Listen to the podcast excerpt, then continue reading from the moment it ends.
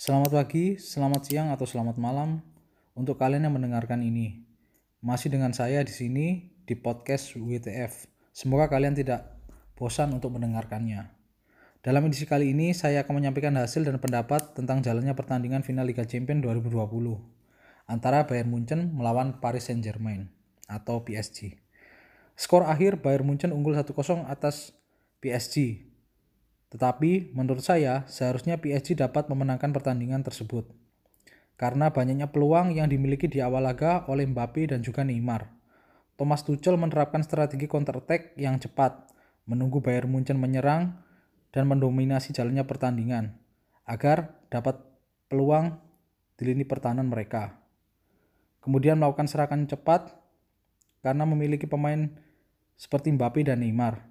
Tetapi mereka berdua tidak cukup efektif dan efisien dalam memanfaatkan peluang. Dan sama seperti pertandingan lawan Leipzig dan juga Atlanta. Manuel Neuer tampil berian di pertandingan tersebut dengan menepis semua tembakan shot on target PSG sebanyak tiga kali dan peluang emas di menit ke-18 oleh Neymar dan juga di menit 70 oleh Marquinhos. Kalau, kalau boleh jujur ini bukan performa terbaik oleh Munchen di Liga Champions karena mereka juga sempat buntu di awal laga sampai memecah kebuntuan di menit 54 lewat sundulan Kingsley Coman memanfaatkan crossing Joshua Kimmich. Duet Thiago Silva dan Kim Pembe tampil disiplin di lini pertahanan dengan menutup gerak Lewandowski dan menepis tendangan pemain Bayern Bayern Munchen. Pertandingan di perempat final lebih impresif daripada final ini. Munchen menghancurkan Barcelona dengan skor telak 8-2 tanpa amun.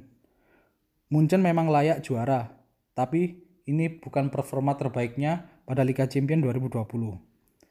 Ya kadangkala begitulah ya teman-teman sepak bola.